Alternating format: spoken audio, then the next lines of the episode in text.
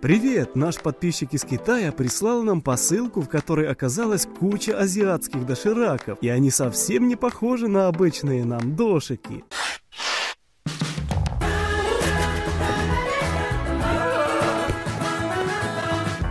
Конечно, мы немножко боимся всей этой истории с заболеванием, но от дедушки в наследство мне перешел старинный лайфхак. Он говорил, кушай в день кусочек чеснока и не будешь болеть. Перед съемками мы съели аж два зубца, так что можем не переживать.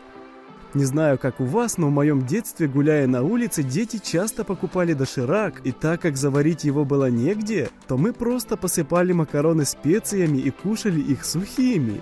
что также получалось достаточно вкусно. Так вот, азиаты придумали вот такой вариант. Это уже сформированные кусочки сухих макаронов, покрытых специями. И они оказались прям очень вкусными. Пока досняли этот выпуск, то скушали целую упаковку. Теперь возьмем прям самый простой китайский доширак – Посмотрим, какой он. Кстати, я не уверен, что все эти дошики произведены в Китае, но чтобы не усложнять себе жизнь, примем их всех за китайские. Их макароны, кстати, выглядят немного по-другому. Камера не до конца передает, но они такие полупрозрачные, будто сделаны не из муки, а из чего-то другого. И в комплекте идет аж три пакета со специями или что у них там. Здесь какой-то соус, судя по запаху, возможно, чесночный. Чеснок нам не помешает. Теперь заливаем кипятком и ждем. Через 5 минут макароны заметно набрали в объеме и настало время пробовать. В посылке были палочки, и вот честно мы не знаем, как ими правильно пользоваться. А макароны еще такие длиннющие. И когда мы их попробовали, Они такие острые, просто ужас. Мы слили весь суп и налили кипятка, чтобы вымыть перец, и только тогда смогли нормально распробовать. Следующими были вот такие макароны. Они также были не совсем обычной формы и с множеством соусов. Посмотрим, что из этого получится.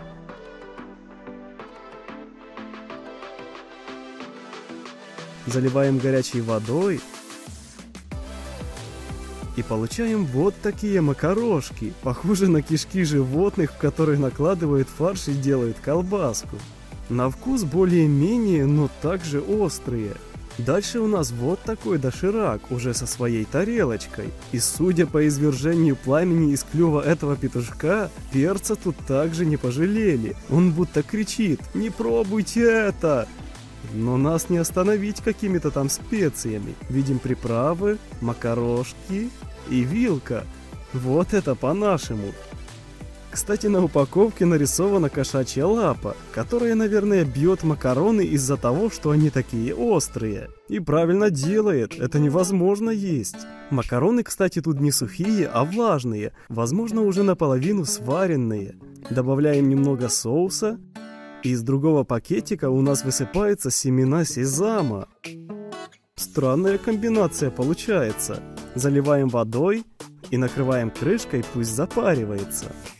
Через несколько минут все готово и выглядит очень даже аппетитно. Но оно опять ужасно острое, петушок правду кричал. Мы быстренько берем вот такой сок из арбуза, чтобы все это запить. Никогда, кстати, еще не пил арбузовый сок. Правда, тут в него вроде еще и сахара добавили, так как вкус прям очень насыщенный. А теперь у нас вот такая более серьезная и увесистая упаковка с мелким лысым пацаном.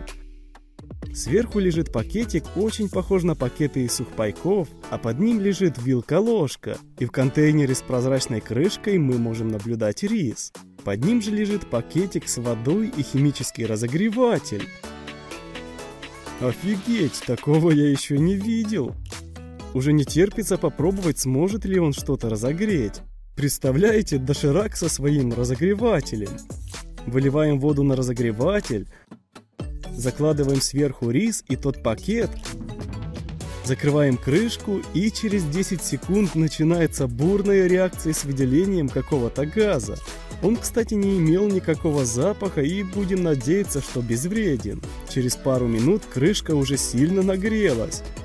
Дальше извлекаем нашу еду и при помощи специального шипа на ложке пробиваем и разрезаем пленку над рисом. После чего сверху высыпаем содержимое пакета. А тут у нас один грибочек, какие-то бобы или арахис что ли, и овощи. Жаль, конечно, что не мясо, но на вкус терпимо. Настала очередь вот такой упаковки с яйцами. Они так аккуратно упакованы, каждая в свой пакетик. Интересно, они сырые или вареные? Давайте проверим.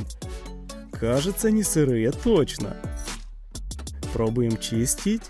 Не понял, это что еще такое? Почему оно черное? Не понимаю, чьи это яйца. А с другой стороны, оно светлое и имеет внутри какие-то молнии. А воняет как ужас. Желток имеется, но опять же, чье это яйцо и что с ним такое? Попробовали, А оно соленое и противное, ужас. Да мы тут, похоже, жизнью рискуем, пробуя все это.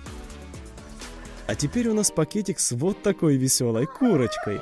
Надеемся, хоть тут не будет ничего острого. Ого, сколько тут всякого. Внутри доширака еще один пакетик с дошираком. И тут уже более привычные нам макароны – даже не умещается в тарелку. Надо немножко поломать. Сверху высыпаем вот это. Если вы когда-нибудь пробовали на вкус палочки термоклея, то эта штука имеет практически такой же вкус. Ну ладно, засыпаем все чудесные ингредиенты и ждем, пока оно настоится. Хоть выглядит неплохо, на вкус какашка еще та. Острая, с ужасными непонятными специями – Даже Куки в шоке от такого запаха. Ладно, надеемся, что хоть вот эти штукенции будут вкусными. Возможно, это какой-то десерт. Посмотрите, какие эти комочки прикольные. Пробуем. И вы знаете, более безвкусной еды мы еще не пробовали. Они реально просто без вкуса, просто никакие. Дождевые черви из нашего видео про выживание и то были вкуснее. А теперь берем вот такой вот один из топовых дошираков в большой красной миске, на которой нарисована девушка, убегающая от волны, которая захлестывает два извергающихся вулкана, и на голове которой надета шапка с двумя рогами, свиным пятачком и одним глазом. Тут у нас пара пакетиков, и под ними мы обнаруживаем внутри еще белую тарелку, под которой складные палочки, какая-то желтая вода и макароны. Что ж, давайте все это распечатывать и помещать в тарелку. Открываем большой пакет, и тут, похоже, грибы с какими-то неведомыми обычному человеку овощами. Сверху закидываем все каким-то соусом. Запах соуса, кстати, вкусный. Возможно, там присутствуют кусочки мяса. Накладываем макароны. И вдогонку еще какой-то соус. Вот это разнообразие в дошираке, скажу я вам. Ну что, заливаем водой комнатной температуры и активируем наш разогреватель, чтоб все было как положено. Накрываем крышкой Через пару секунд начинается реакция, и мы можем наблюдать легкий элегантный дымок, выделяющийся из нашей кастрюльки. Открываем и складываем палочки. Выглядит блюдо как-то странно, только вот эта штука пугает меня больше, чем любые болезни. Но мы таки попробовали, и блин, какое оно невкусное. Я бы даже даром это не ел, наверное, даже за деньги, бедные китайцы. А теперь остался самый царский доширак. Он самый крупный и тяжелый. Степа, ты как тут оказался? Вечно ты куда-то залезаешь. Внутри мы видим множество пакетиков с неизвестным содержимым. А если разорвать картонную упаковку, то на внутренней части увидим инструкцию. Первыми выкладываем макароны, Посмотрите, какие они прозрачные. Дальше сверху кладем овощи с какими-то листьями, что ли.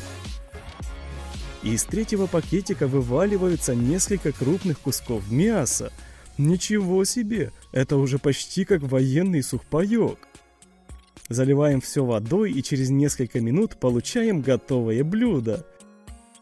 Только посмотрите, макароны стали еще прозрачнее – А по вкусу это блюдо чуть получше предыдущего, но далеко не такое вкусное, чтобы его можно было есть и получать хоть какое-то удовольствие. Хотя, возможно, азиаты и кайфуют от такой вкусовой палитры. У нас осталась последняя еда, и это филе медузы.